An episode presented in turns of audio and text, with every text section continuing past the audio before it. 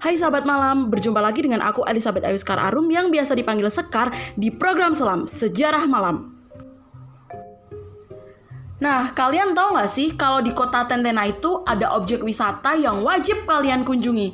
Di sana ada air terjun Saloupa yang berjarak 58 km dari kota Poso.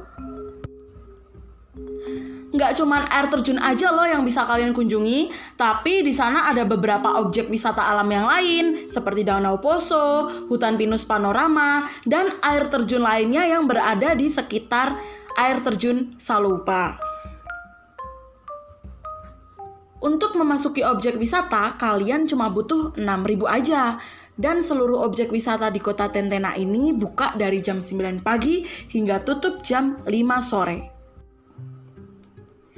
Di sana banyak spot foto yang bisa dimanfaatkan untuk mengabadikan kenangan ketika sedang berada di kota Tentena. Buat kalian yang ingin berkunjung ke wisata kota Tentena, tapi nggak bisa bawa bekal, tenang aja, di sana banyak warung yang berjualan dengan harga yang masih wajar.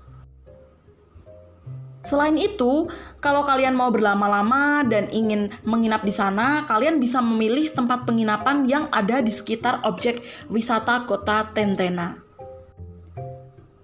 Saya Elizabeth Ayuskar Arum, sekian program selam kali ini dan sampai jumpa.